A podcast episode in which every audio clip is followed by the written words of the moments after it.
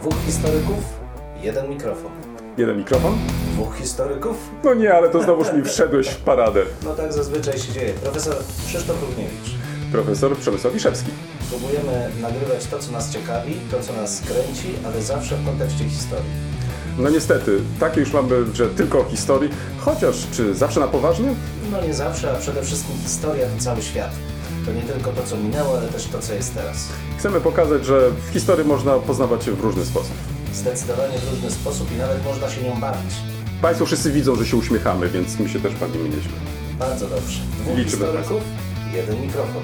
Jeden mikrofon? Dwóch historyków.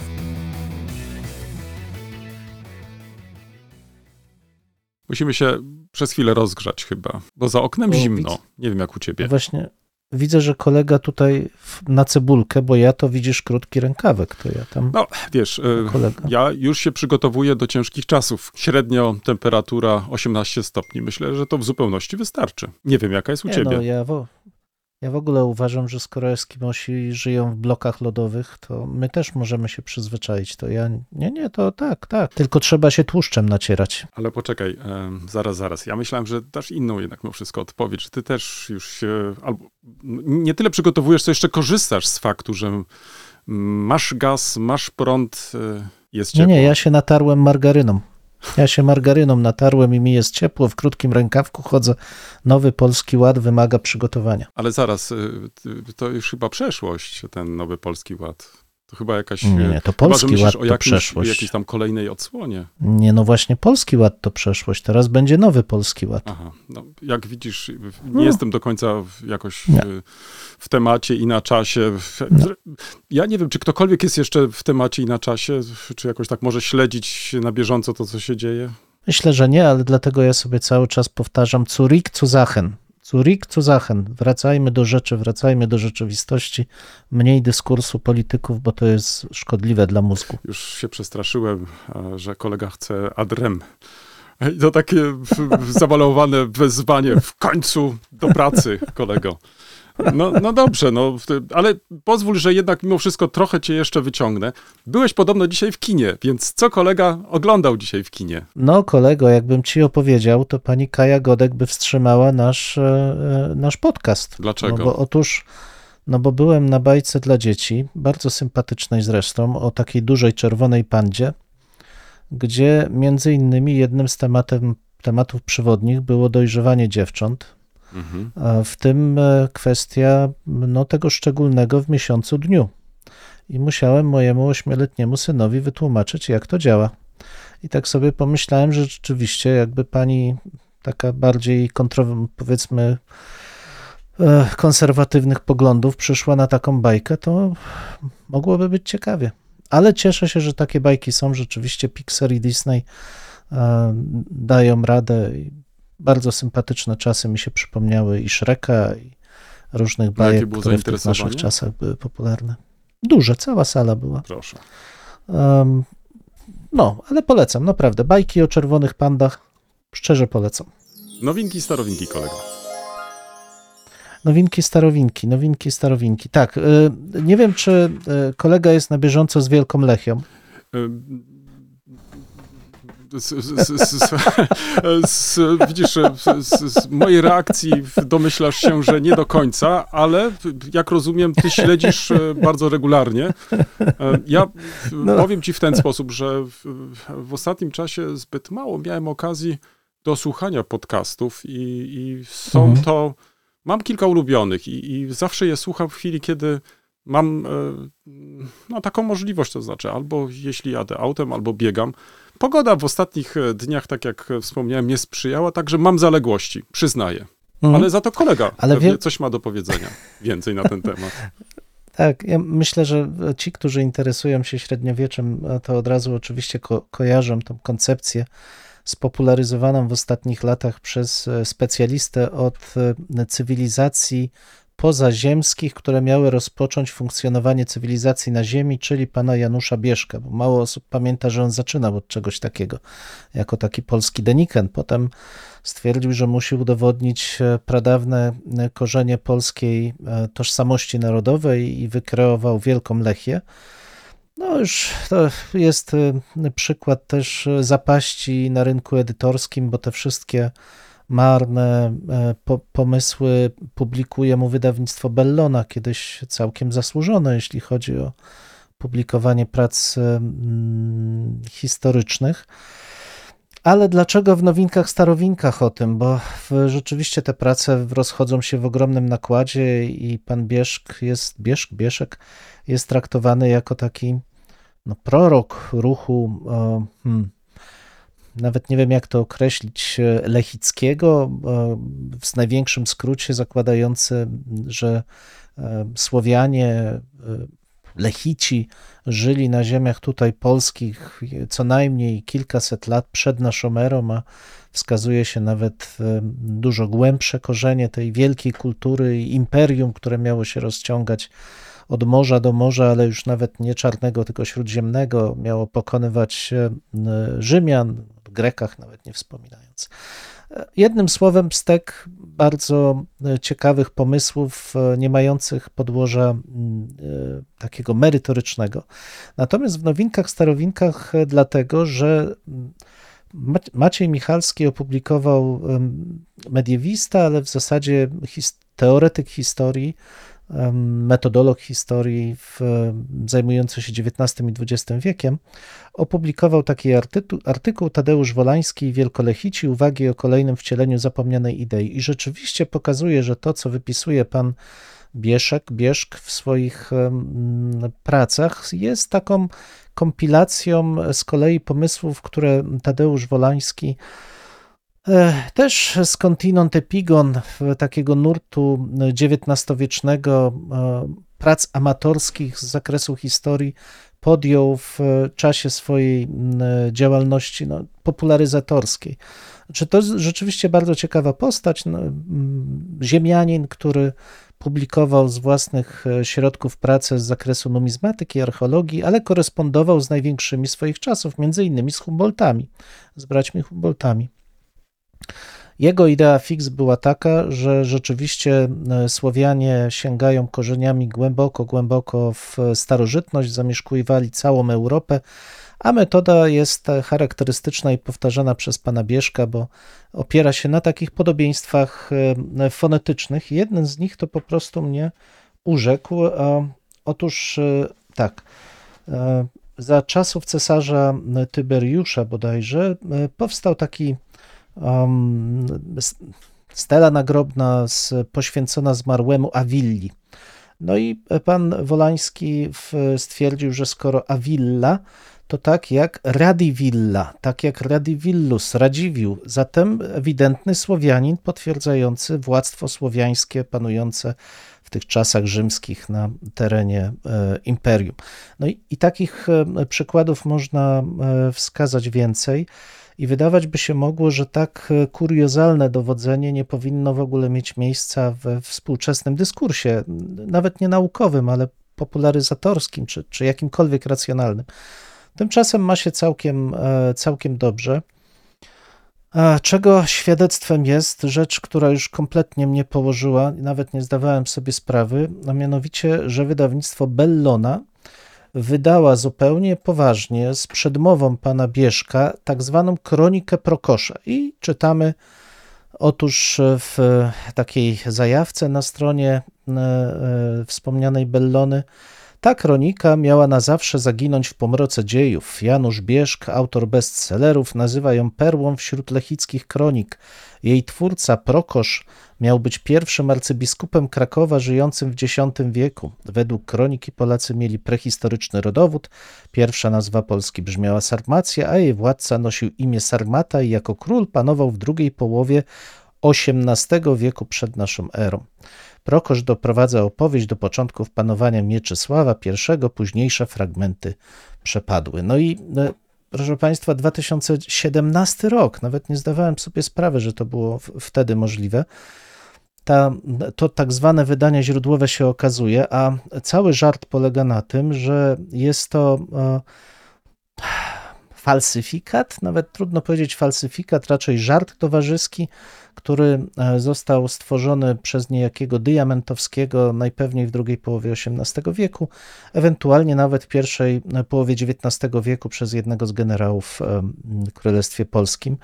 Miałby być podarowany Niemcewiczowi, a on z kolei w, rozpropagował to najpierw jako rzeczywiście kronikę z X wieku, co Lelewel to oczywiście obalił.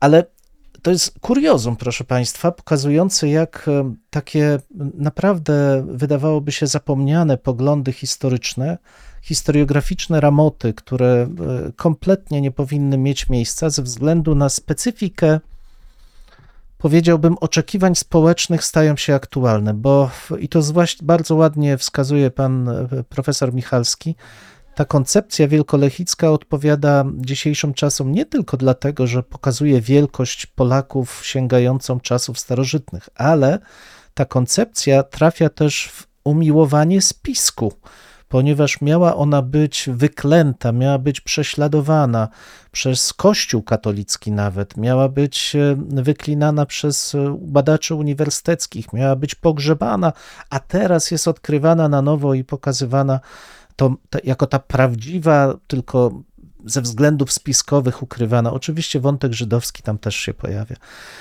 Więc proszę Państwa, nowinka, starowinka, ale z dużym smutkiem na to e, patrzę, bo ten cały ruch wielkolechicki, no niestety jest e, nie do pokonania moim zdaniem. To znaczy w dobie, e, w dobie mediów społecznościowych to pokazuje, jak każda, przepraszam, ale no po prostu no, no użyj tego słowa. Może za, zagościć. No bzdura, tak. no, no, no może zagościć e, w naszych domach, e, udając prawdę naukową. Mm, I mm. tyle na dzisiaj. Być może Państwo trochę byli zaskoczeni, kiedy wspomniałem o podcastach. Tu miałem na uwadze konkretny podcast, mianowicie od A do Z, tak jakby podcast, którego autorami są Żaneta Kubic i Artur Wójcik.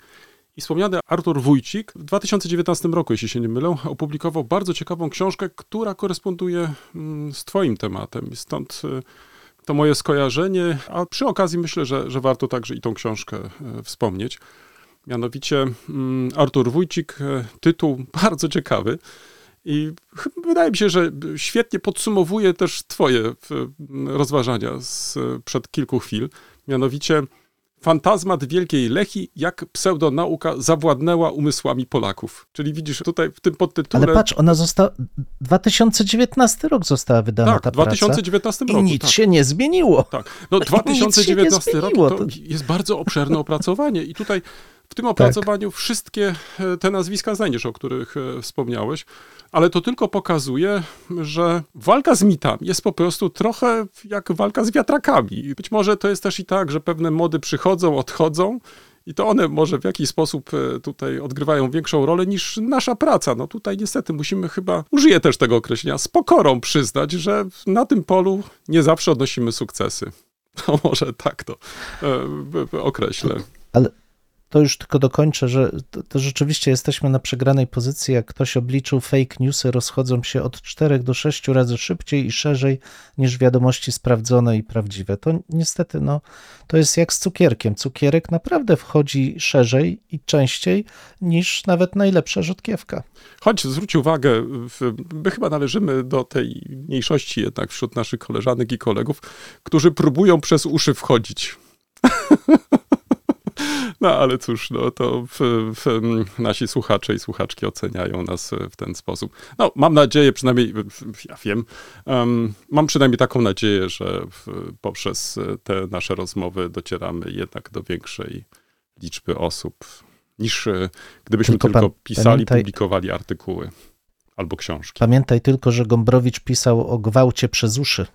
Gwałt przez uszy. Wiesz, e, powiem tak.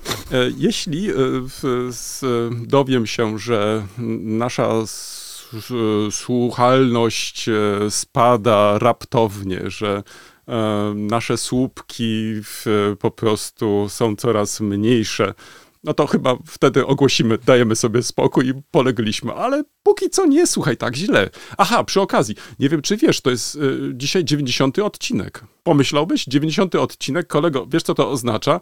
Że już y, weszliśmy w taki wiek, nic nie chcę ci mówić, ale dobrze, No. może w, w, trakcie jeszcze wrócimy do tej 90. No dobrze, to teraz y, pozwól, że ja powiem dwa, trzy zdania o mojej nowince starowince. Obiecałem koledze, że go y, zaskoczę i mam nadzieję, że go zaskoczę. Mianowicie, proszę Państwa, w ostatnich dniach y, y, często zachodziłem do pięknie odremontowanej auli leopoldyńskiej.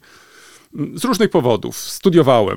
Po prostu to jest jedna wielka księga, taka bardzo kolorowa, gdzie można różne rzeczy wyciągać, w zależności od tego, e, co mnie interesuje. No, nie ukrywam, nie wiem jak e, Państwo, zwłaszcza ci, którzy mieli okazję obejrzeć e, naszą piękną salę, e, czy podobne wrażenia nie mają Państwo? Po prostu wchodzi się, człowiek jest przede wszystkim najpierw pod wrażeniem tej wielkiej ilości informacji, ale także i kolorów, zwłaszcza dzisiaj. No więc mm, w ostatnich dniach często zachodziłem i zacząłem coraz więcej czytać na temat samej auli.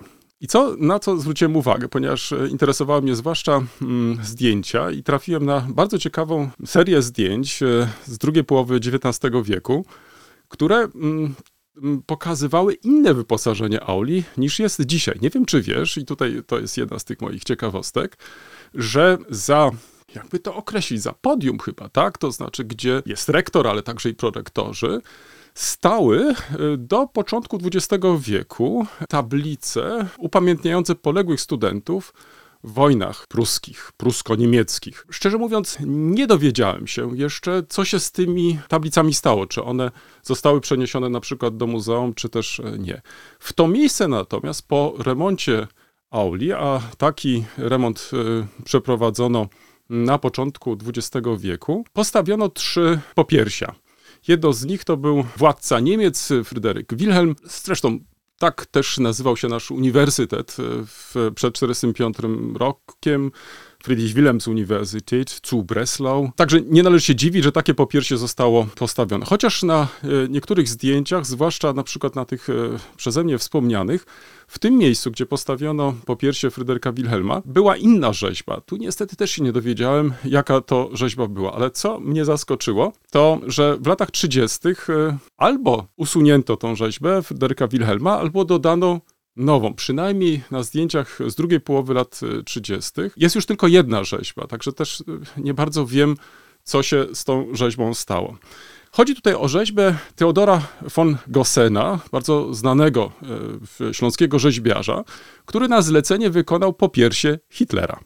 I to popiersie Hitlera e, umieszczono następnie w centralnym punkcie auli i na niektórych zdjęciach e, z tego okresu możesz e, takie mm, popiersie znaleźć. Znalazłem też ciekawy cytat pierwszego rektora naszej uczelni, profesora Stanisława Kulczyńskiego, który tak wspominał, kiedy po raz pierwszy wszedł po II wojnie światowej do auli. Wchodzimy do wspaniałej barokowej auli, zasłanej bronią i mundurami wojskowymi. Na połamanych ławach leżą zniszczone ogromne okna wywalone z futryn. Piękna polichromia ścian i stropu świeci ogromnymi białymi plamami opadłego tynku. W głębi za fotela rektorskiego obitego czerwonym aksamitem spogląda na salę brązowy posąg Fryderyka Wilhelma, założyciela uniwersytetu, ubrany w cylinder kominiarza. Nie wiem, co zobaczył tak naprawdę nasz pierwszy rektor. Wątpię, żeby zobaczył Fryderyka Wilhelma. Raczej zobaczył wspomniane przeze mnie po piersie Adolfa Hitlera. Do tego jeszcze w cylindrze. No musiało to faktycznie komicznie wyglądać i chyba jak najbardziej odpowiadało temu bardzo trudnemu okresowi po 1945 roku. Co się stało z tym popiersiem, to chyba nie wiadomo, czy zostało przetopione, ale pewnie byśmy o tym wiedzieli, że zostało przetopione. W każdym razie nic e, bliżej się nie dowiedziałem. Ale co ciekawe, czasami takie małe pomniki, także tego autora, von Gossena, potrafią wypłynąć dziesiątki lat później. Nie wiem, czy przypominasz sobie jeden choćby z nich. E, Myślę tutaj o rzeźbie Chrystusa, który stał na e, pomniku upamiętniającym poległych uczniów Gimnazjum Świętego Macieja, uczniów i nauczycieli. Przez wiele dziesiątków lat e, uważano tą rzeźbę za zaginioną. Dopiero podczas prac e, remontowych e, późniejszego parku barokowego przed Zakładem Narodowym Ossolineum wykopano z podziemi pomnik, natomiast rzeźby, jak się okazało, znaleziono na poddaszu kościoła, więc kto wie, może na którymś z poddaszy kościołów jeszcze znajduje się ten pan z melonikiem. Albo bez melonika. No, zostawmy już go. Dlaczego zwróciłem na to uwagę?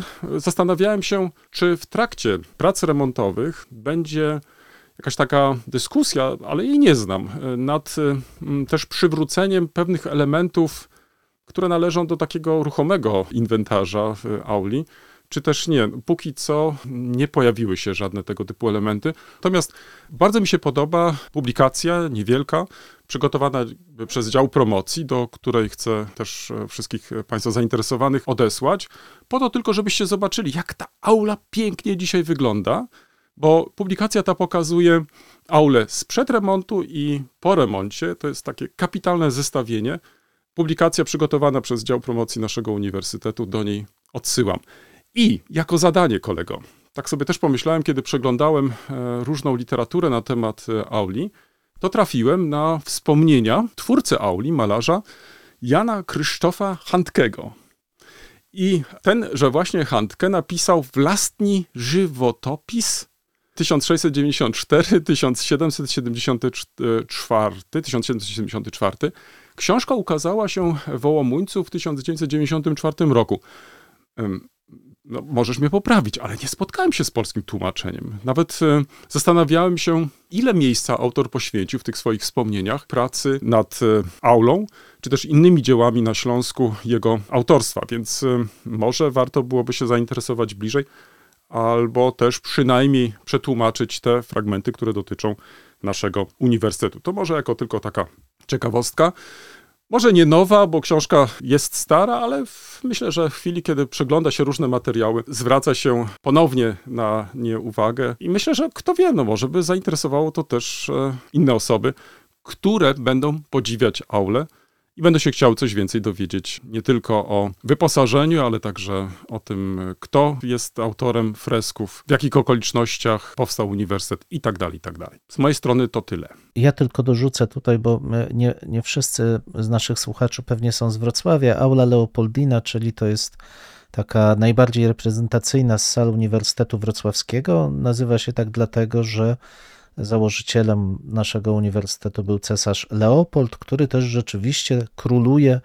Jeżeli wchodzimy do auli, to widzimy jego posąg, który jest w centralnym miejscu nad e, ławami rektorskimi.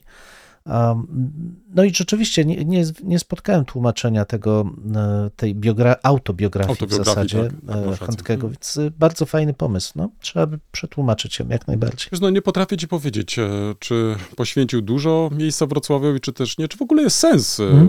e, podjąć tu się tego truda, ale kto wie, może się okazać, że są tam ciekawe dla nas informacje, a przynajmniej to, w jaki sposób to dzieło powstawało. Myślę, że jeśli chodzi o historię uniwersytetu, to może to być taki mały przyczynek do jego dziejów. Płynnie przechodzimy do lektur z tego tygodnia. Tak, ja dzisiaj króciutko dwie chciałem em, przedstawić. E, Dwie prace zbiorowe e, ostatnio się ukazały. Jedna wydawnictwo mm, Brepols, e, dosłownie przepisywanie w historii w mm, Central Middle Ages, czyli właściwie w tym środkowym okresie średniowiecza między 900 a 1300 rokiem. Bardzo ciekawa praca zbiorowa poświęcona zjawisku, e, no jakże aktualnemu dzisiaj, to znaczy sposobowi, w jaki e, historycy mm, wykorzystują, czy ówcześni historiografowie wykorzystywali wcześniejsze prace historyczne po to, żeby dostosować narrację do, hmm, rzeczy, do, do potrzeb e, politycznych, trendów historiograficznych, też religijnych swoich czasów. No i Oczywiście mamy tutaj trochę e, o falsyfikatach, e, mamy tutaj trochę o wykorzystywaniu wcześniejszych kronik, ale też o budowaniu na podstawie em, kronik nowej narracji opisującej rolę hmm, kobiet na przykład. Więc trochę e, różnych takich reminiscencji, spojrzeń na to, jak e, historycy e, średniowieczni w sposób bardzo kreatywny wykorzystywali swoją, e, swoich, e, swoich poprzedników. Bardzo fajna perspektywa, także geograficzna, bo od w zasadzie Kaukazu w, e, mamy tutaj e, rozdział poświęcony przepisywaniu historii na średniowiecznym e, Kaukazie, aż po, e, po w, Królestwa e, Półwyspu Iberyjskiego, ale oczywiście z głównym naciskiem akurat w tym przypadku na e, Wielką Brytanię, na anglosasów i, w, i w, em, twórców w zasadzie tej tożsamości anglosaskiej w wieku e, X-XI. I to jest jedna praca. Bardzo mi się podoba także ze względu na to, że w, co jest charakterystyczne dla wydawnictwa Brepols, opatrzona została w bardzo wyczerpujący wstęp, pokazujący zarówno dotychczasowe badania, jak i perspektywy i wnioski wynikające z prezentowanych, e, z prezentowanych prac w- samym e, tomie. Redaktor Emily e, Winkler i e, C.P. Lewis.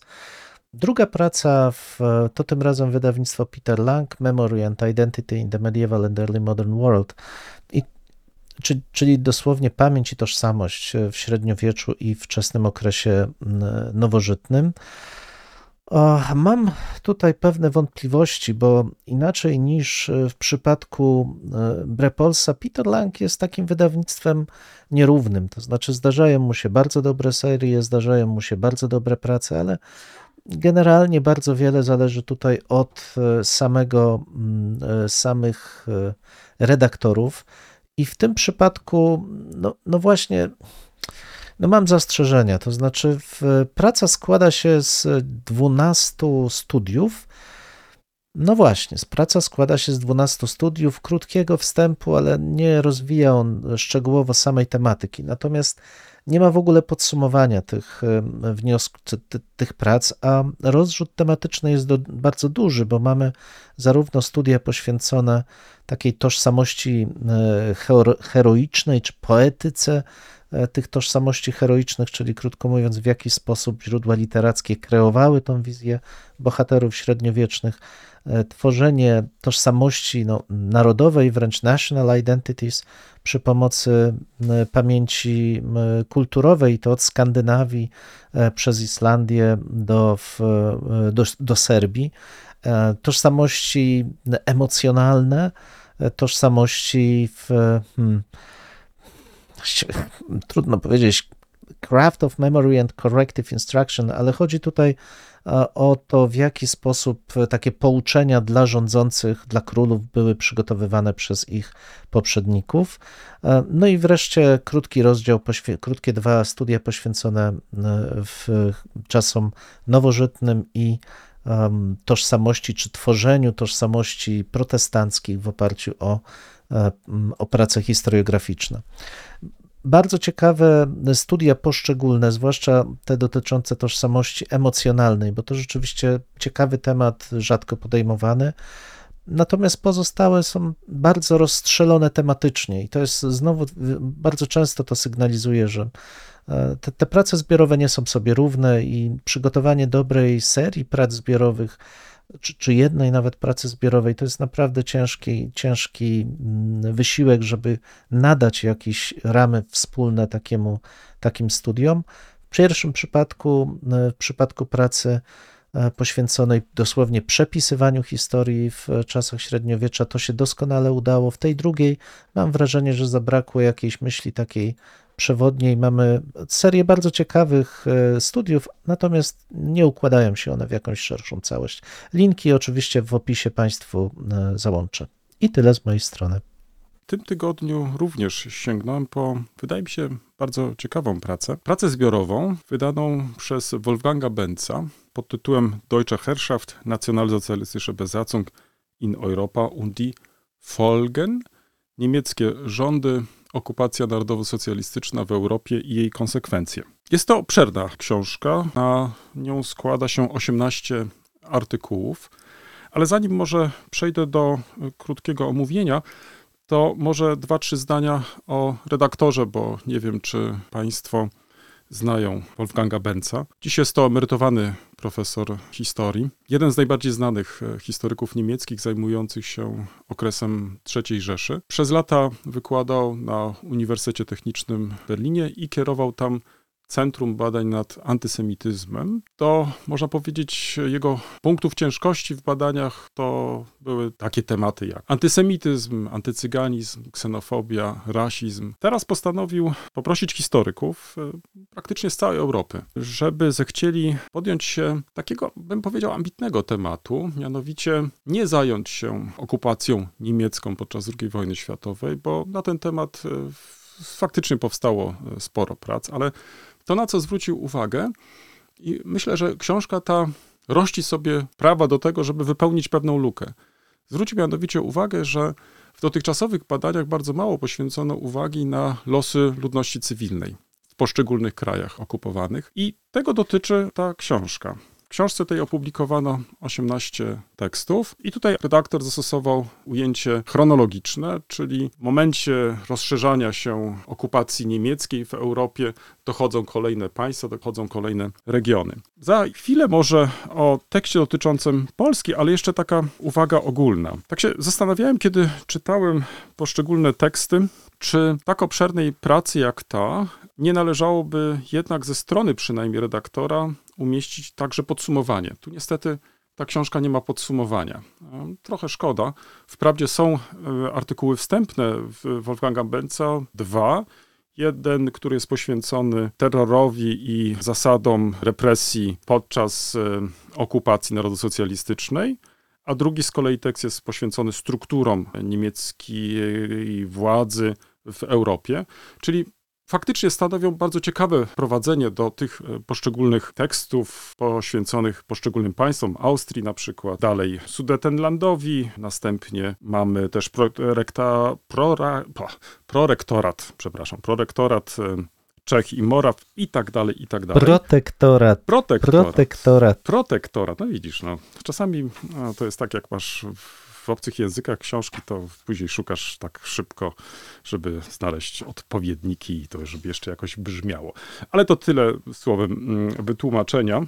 Książka ta powstała też nie bez e, powodu, mianowicie obecnie toczy się w Niemczech debata nad e, sposobem upamiętnienia e, zbrodni narodów socjalistycznych w Europie. To tylko przypomnę, że chodzi o pomnik polski, czy też pomnik poświęcony zbrodniom narodu socjalistycznym w Polsce podczas II wojny światowej. I drugi projekt, jako równoległy, który powstał z tym pierwszym, to jest upamiętnienie zbrodni we wszystkich krajach europejskich, które były w jakiś sposób dotknięte rządami narodowych socjalistów. Teraz y, pozwól, że dwa, trzy zdania o tekście dotyczącym Polski. Jego autorem jest Stefan Lenstedt, Znany autor wielokrotnie wypowiadał się na temat e, II wojny światowej, specjalista.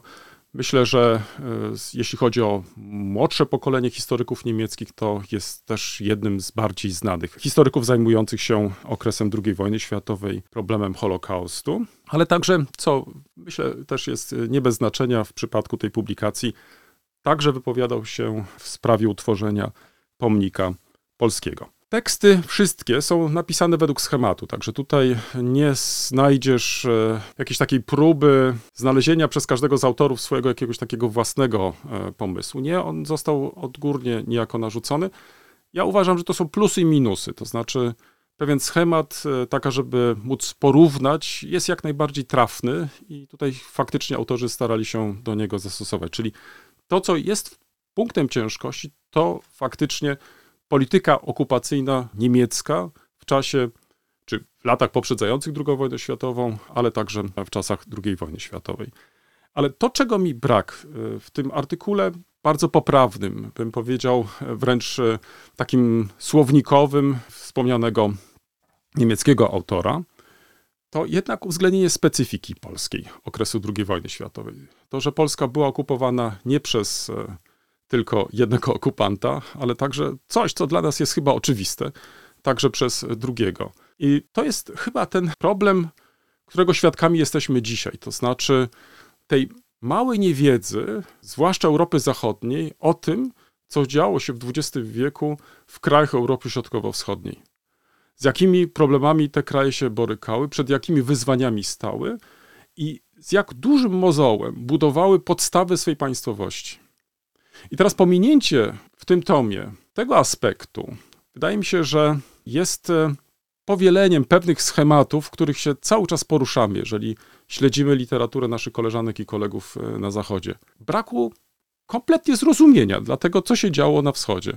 Wyobraź sobie, że autor tylko jednym zdaniem kwituje, że było coś takiego jak e, pakt Ribbentrop-Mołotow i skutki tego paktu Ribbentrop-Mołotow. Pada tam też e, cyfra 150 e, tysięcy osób, które straciły życie na rozkaz Stalina, bo tak to wręcz formułuje. I przyznam ci się szczerze, że nie wiem skąd wziął tą wysoką liczbę. Jest to do dzisiaj, jak wiadomo, przedmiot sporów ale z tak wysoką się dotąd nie spotkałem. No ale być może autor wie, e, po prostu e, ma inny dostęp do źródeł, trudno mi powiedzieć.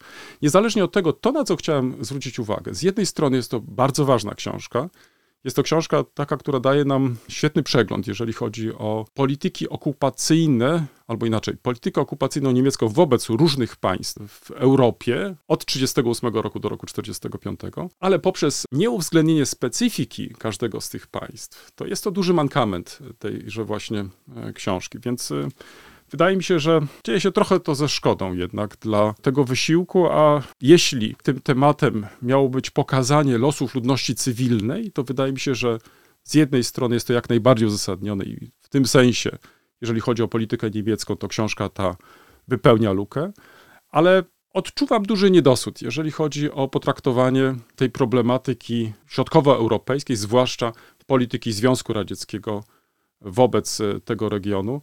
No, bez tego trudno po prostu zrozumieć e, nie tylko okres II wojny światowej, ale przede wszystkim książka ta w podtytule, przypomnę, ma też e, określenie skutki.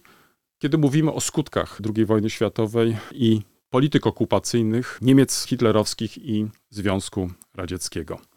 To byłaby pierwsza z tych e, lektur, na które chciałem zwrócić uwagę. Druga, nieco może krócej, Mianowicie z dużym zainteresowaniem przeczytałem artykuł Jarosława Mikołajewskiego pod tytułem Mikołajewski jak władza przestraszyła się Dantego i łódki z Lampeduzy, który ukazał się pod koniec tygodnia w Gazecie Wyborczej. Jarosław Mikołajewski, znany poeta, pisarz, tłumacz z języka włoskiego, ale także autor książek. I tutaj przy tej okazji polecę koledze, ponieważ on lubi czytać e, książki wydawnictwa czarne, książkę Jarosława Mikołajewskiego, którą napisał e, razem z Pawłem Smoleńskim pod tytułem Czerwony śnieg na Etnie. To jest jedna z ostatnich e, chyba książek, jeśli się nie mylę, Mikołajewskiego. Ale Jarosław Mikołajewski w tym artykule postanowił przedstawić e, problem, z którym coraz więcej jest skonfrontowanych instytucji kultury w Polsce. Mianowicie, że tematy, które z punktu widzenia obywateli są bardzo ważne, przez e, te muzea w związku z taką, a nie inną polityką państwową nie są podejmowane, po prostu rezygnuje się z nich. E, I tutaj na przykładzie pomysłu wystawy, która miała być poświęcona uchodźcom, no w końcu jakby nie patrzeć jednemu z głównych teraz tematów, które, który nas interesuje, ale przecież to nie jest nowy temat, to jest przecież temat, który nam jakoś towarzyszy już od e, wielu lat. No właśnie z powodu różnego rodzaju zaniechań, niezgody, braku zainteresowania, odrzucenia ostatecznie do zorganizowania w Muzeum Narodowym, tak więc bardzo prestiżowym miejscu, do zorganizowania takiej wystawy nie doszło. Następnie te przedmioty, które miały być pokazywane na tej wystawie, od obrazów, kończąc na tej tytułowej łódce z Lampeduzy, oryginalnej łódce, w której uciekali uchodźcy, to no, po prostu tych, nie, tych rzeczy nie zobaczymy w, w Polsce w takim ujęciu, w taki sposób. Jeszcze Dlatego e, pomyślałem, że będzie dobrze wspomnieć o tym artykule. Także i dlatego, gdyż e, autor wyraził na koniec e, pewien apel, to znaczy ten przedmiot, czyli ta łódka z Lampeduzy, jest jeszcze dostępna. Można ją po prostu zaadoptować. I pozwól, że przeczytam zakończenie tego artykułu, gdzie ten apel jest bardzo wyraźnie sformułowany. A tak w ogóle łódka jest chyba jeszcze do wzięcia, pisze Jarosław Mikołajewski. I postawienia jako trwała instalacja, pomnik uchodźcom wszystkich miejsc i okoliczności. Apeluję więc do Warszawy, Sopotu, Gdyni, Wrocławia, do Gdańska, gdzie prezydent Paweł Adamowicz powoływał się na doświadczenie Lampeduzy.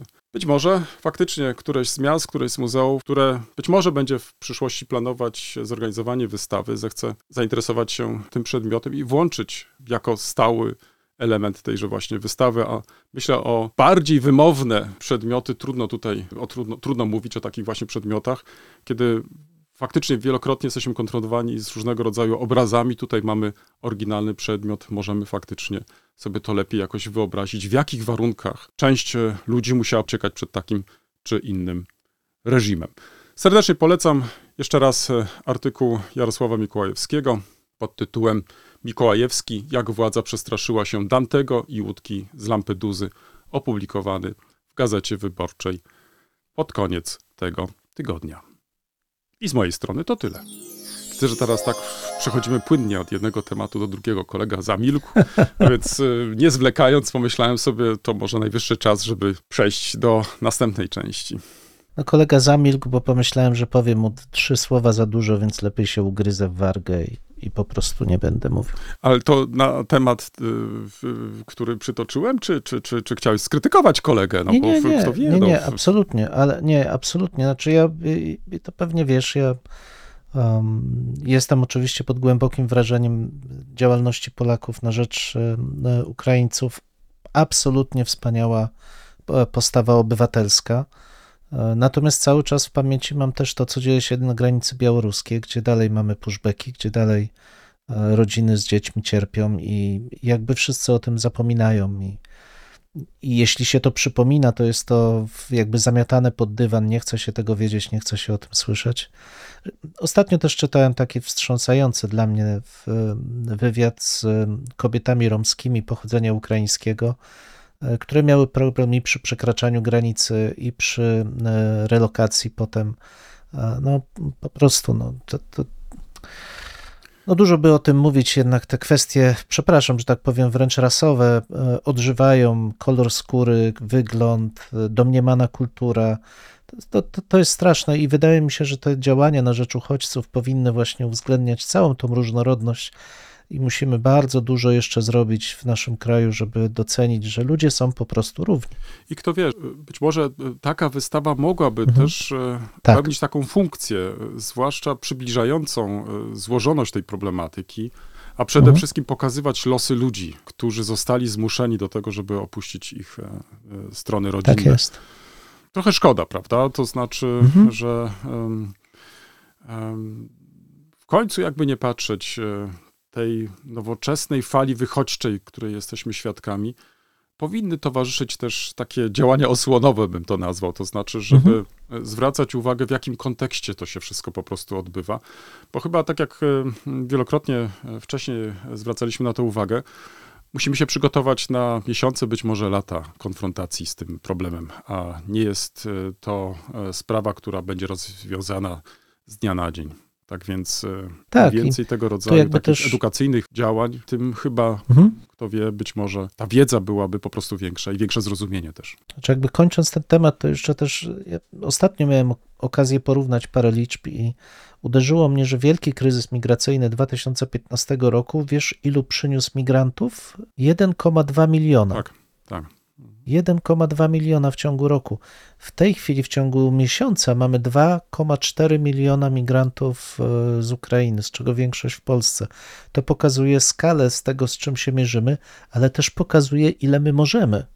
Że jeden kraj jest w stanie stanąć na wysokości zadania 2 miliony migrantów przyjąć. Nie jest to problem, podczas gdy wcześniej przyjęcie dla Polski kilkudziesięciu, stu kilkudziesięciu migrantów było wielkim problemem. Ale Zostawmy to, skupmy się na naszym głównym dzisiejszym temacie, bardzo mocno związanym zresztą z, tą, Tak, e, właśnie z tym zagadnieniem. Próbowałem e, znaleźć takie, takie możliwe przejście, bo jednym z problemów, e, z którymi jesteśmy dzisiaj konfrontowani, to jest sprawa obchodzenia się ze zbrodniami. To znaczy, myślę, że wszyscy Państwo mają w pamięci zdjęcia, które nam towarzyszą od kilku już dni.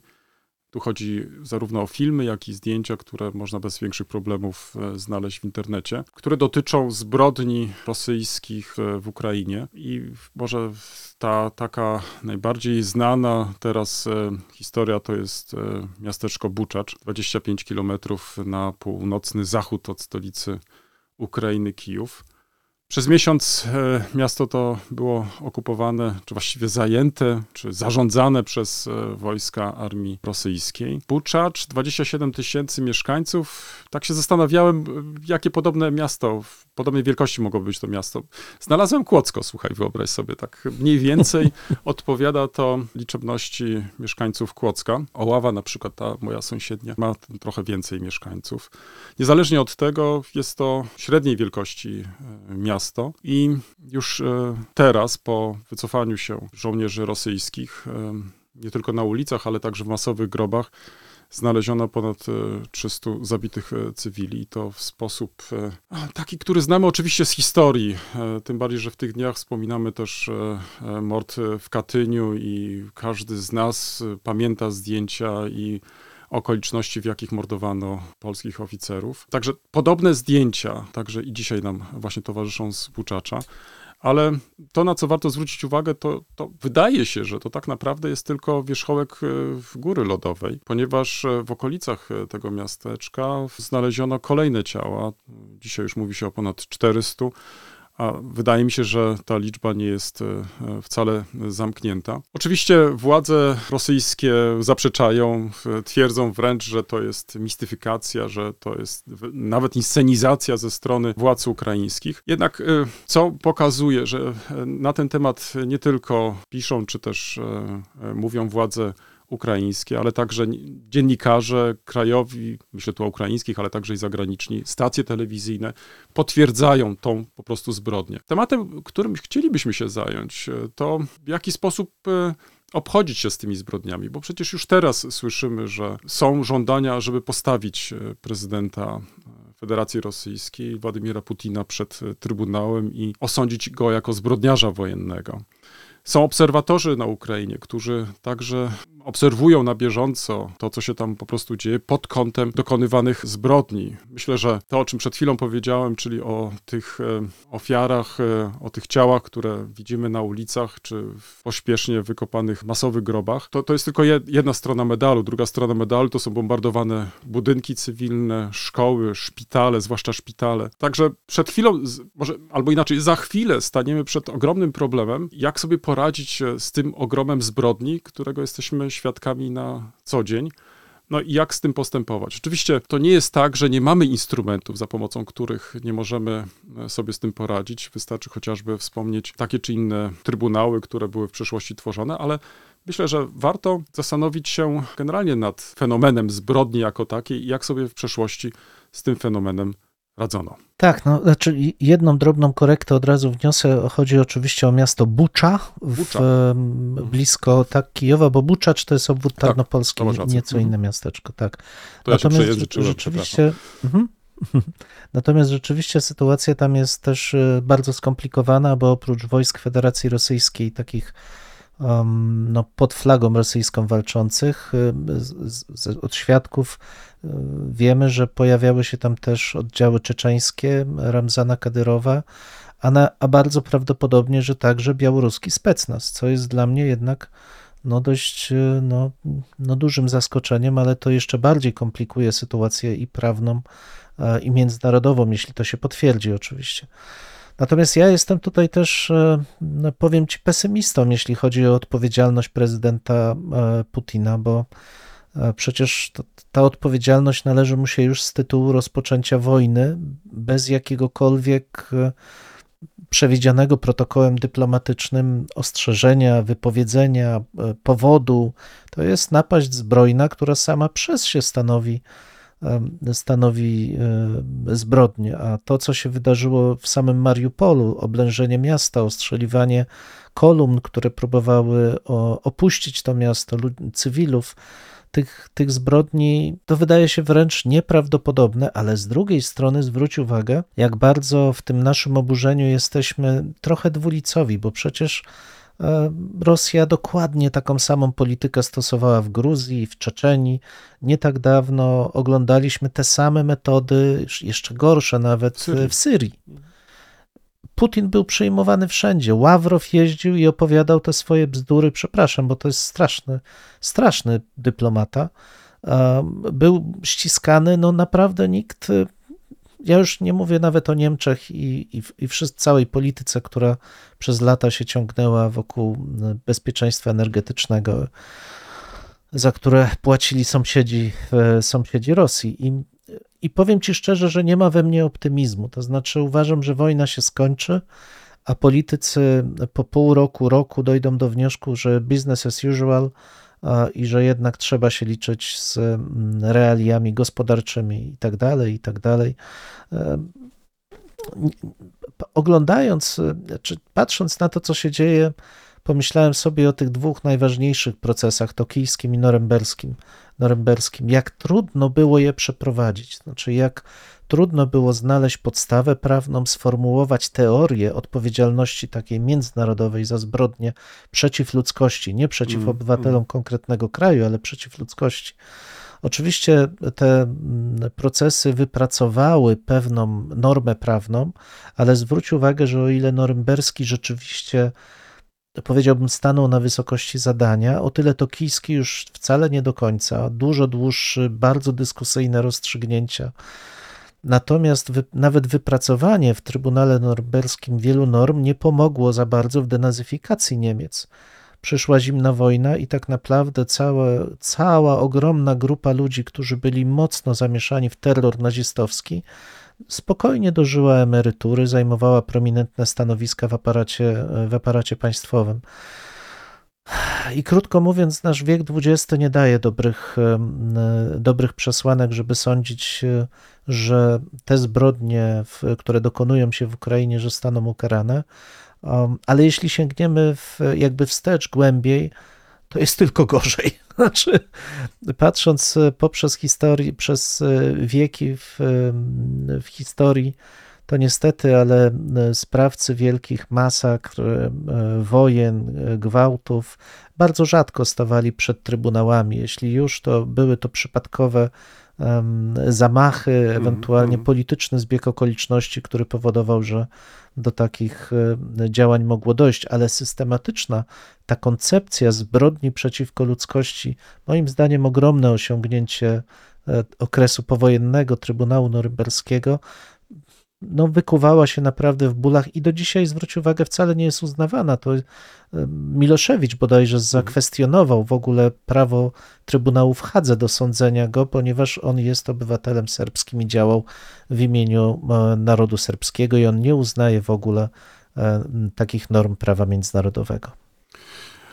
Nie wiem, czy mm, zgodzisz się, ale wydaje mi się, że jednym z problemów, z którym jesteśmy teraz konfrontowani, to jest to takie przeciwstawienie z jednej strony demokracji liberalnej i naszych wyobrażeń o prawie, o przestrzeganiu prawa i poruszania się w ramach prawa, a systemów autokratycznych czy też totalitarnych, gdzie praktycznie stosowanie jakichkolwiek reguł nie wchodzi w ogóle w rachubę. Zwróć uwagę, widzimy to na co dzień dzisiaj podczas wojny w Ukrainie, kiedy giną żołnierze rosyjscy i praktycznie państwo rosyjskie nie jest całkowicie zainteresowane, co się z tymi ludźmi będzie działo po, nawet jak pogrzebać i tak dalej, i tak dalej. Um, czyli być może mamy do czynienia tutaj z jakimś takim zderzeniem cywilizacyjnym, prawnym, i stąd też może dodatkowo jeszcze komplikuje nam to całą sytuację, że my próbujemy apelować do naszego porządku, ale ten porządek został pogwałcony. Ten porządek po prostu został postawiony pod znakiem zapytania. I teraz jest pytanie, czy, by, czy starczy nam na tyle determinacji, ażeby w chwili klęski, w chwili zakończenia wojny, wyegzekwować właśnie te prawa i te wartości, do których nawiązujemy. Bo tak jak słusznie zauważyłeś, no trudno mi sobie wyobrazić Rosję za kilka tygodni, miesięcy, może lat, która na równi z innymi państwami zasiada w takich czy innych gremiach międzynarodowych i decyduje w sprawach międzynarodowych. Kiedy Przynajmniej tak mi się wydaje. Uwzględniając nasz system wartości, Rosja sama na własne życzenie wykluczyła się z tej społeczności międzynarodowej. I trudno mi będzie sobie wyobrazić, że do tej społeczności tak szybko wróci. No, ale wykluczysz Rosję z Rady Bezpieczeństwa ONZ? No, wydaje mi się, że to jest, Jest jeden z powodów, członkiem. ale widzisz, to jest jeden, ale to tylko pokazuje też, e, że stworzyliśmy Mhm. organizację, tak jak na przykład ONZ, która po II wojnie światowej miała odgrywać e, znaczącą rolę i faktycznie, przynajmniej w pierwszych dziesięcioleciach, e, taką rolę odgrywała. Dzisiaj jednak e, myślę, że na nowo powinniśmy postawić pytanie, jaki jest sens istnienia takiej organizacji, która praktycznie nie działa, nie funkcjonuje która nie jest e, tą organizacją, która może mm, zapobiec e, tego rodzaju e, konfliktom, właśnie które za chwilę mogą się, miejmy nadzieję, że nie, ale przerodzić w konflikt ogólnoświatowy. No rzeczywiście ONZ miała być, podobnie zresztą jak Liga Narodów Tak. wcześniej, taką organizacją, która pomoże rozwiązywać konflikty bez, bez e, użycia sił zbrojnych. I, ale czy to się udało? Ja mam, e, znaczy z jednej strony szanuję i uważam, że ONZ powinno funkcjonować, bo to jest forum, gdzie rzeczywiście jest szansa się spotkać. E, Jeśli tego zabraknie, no to nie będzie w ogóle przestrzeni do tego typu działań, ale no, chyba jest trochę tak, jak powiedziałeś, to znaczy jesteśmy w jakimś kryzysie takim dużo głębszym niż, niż tylko taki kryzys y, militarny, w, w takim kryzysie mm, szacunku dla prawa, ale takiego też szacunku wynikającego z poczucia mm, zobowiązania wobec innych ludzi, takiego racjonalnego podejścia do funkcjonowania państwa, do roli państwa, do roli współpracy. Ja, ja, jak wiesz, nie jestem tutaj wielkim optymistą, natomiast uważam, że to, co powinno być obowiązkiem e, nas, jako tak zwanych intelektualistów, to cały czas e, przeciwstawianie się tej tendencji do, takiemu, do takiego pragmatycznego widzenia relacji międzyludzkich, w tym dyplomatycznych, bo to one powodują, że można gwałcić konstytucję, a potem potrząsać rękami tych, którzy konstytucję gwałcą i uważać, że trzeba się z nimi jakoś dogadać. To samo będzie nas czekało za chwilę, kiedy trzeba się będzie jakoś dogadać z Rosją. No, nie wiem, ja mam bardzo duże obiekcje, bo to powoduje, że wszyscy, którzy wykorzystują siłę, doskonale wiedzą, że wystarczy poczekać. Poczekają, wszystko się ucukruje, jak figa uleży, jak tytoń, i potem wracamy do normalnych biznesów. Ja jestem bardzo temu przeciwny. No tak, z jednej strony jesteś przeciwny, ale z drugiej strony wierzymy w, jednak mimo wszystko w naszą misję. Wprawdzie wcześniej e, wspomniałeś w kontekście Lechi, że, że te nasze zmagania z, e, mm, zderzeniem, z usunięciem tego rodzaju bzdur i tak dalej, nie zawsze kończą się sukcesem, ale to myślę od nas też będzie zależeć, od nas historyków myślę, czy będziemy na te tematy e, pisać, czy będziemy o nich dyskutować, czy będziemy je przypominać. Ja cały czas się zastanawiam, bo zwróć uwagę, dzisiaj mamy do czynienia e, ze zjawiskiem też medialnym, to znaczy jesteśmy świadkami w czasie rzeczywistym tego, co się dzieje e, w Ukrainie, korzystając z różnych źródeł informacji, ukraińskich, rosyjskich i tak dalej, i tak dalej. I zwróć uwagę, że o pewnych rzeczach trudno będzie zapomnieć też politykom, bo jednak, przynajmniej jest moje nadzie- taka jest moja nadzieja, że od tego społeczeństwa obywatelskiego będzie zależeć, jaka będzie też polityka, jacy będą też politycy. No to, to jest taka trochę nadzieja też, że oni będą się starali wymuszać na politykach określone działania. No, jesteśmy w trakcie ogromnej dyskusji, ogromnej debaty na temat wartości e, europejskich, na temat wartości jako takich, bo wojna w Ukrainie jeszcze raz nam pokazała, że może za mało czasu poświęciliśmy na to. Zbyt może szybko przeszliśmy nad tymi sprawami do porządku dziennego, uważając, że no skoro żyjemy w takim już, a nie innym systemie, dobrze nam się powodzi, że wojny jako takie gdzieś są daleko, ale to praktycznie nas nie dotyczy. Tu jednak się okazało, że tak naprawdę Ukraina walczy nie tylko o swój byt państwowy, ale też o wartości, które nam są bardzo bliskie. I Mhm. myślę, że tu jako społeczeństwo obywatelskie mamy coś do powiedzenia, a my jesteśmy w końcu jako historycy częścią tego społeczeństwa. Stąd tutaj Nie, upatruję tu też się- nadzieję. Tu się absolutnie zgadzam. E, Ta, wielokrotnie zresztą podkreślałem, że naszym zadaniem jest kształtowanie wyobraźni, kształtowanie opinii, pokazywanie tego, co inni chcą ukryć. No, rolą historyka jest jednak cały czas mówić, że zachęcamy do racjonalnego dyskursu, ale opartego o prawdę, o poszukiwaniu prawdy. Natomiast, tak jak mówiłem, nie podzielam optymizmu w sprawie polityków, ale z drugiej strony w naszych rękach jest kontrola nad politykami, więc działajmy, mówmy. W tym miejscu stawiamy kropkę lub też jak to woli, kropkę nad i. No, mamy nadzieję, że to nie jest koniec, że to jest początek Waszych dyskusji. Mam nadzieję, że Was zaciekawi. Prosimy o komentowanie naszych em, zmagań z historią. Poniżej zdjęcia jest wystarczająco dużo miejsca. I pamiętajcie, nie regulujcie odbiorników. No, my naprawdę tak brzmimy. E, tak, chociaż być może czasami e, może trzeba ściszyć. No może czasami ten nasz rekord by się przydało wyciąć nawet. Dwóch historyków, Jeden mikrofon jeden mikrofon. po historyków. Dziękujemy.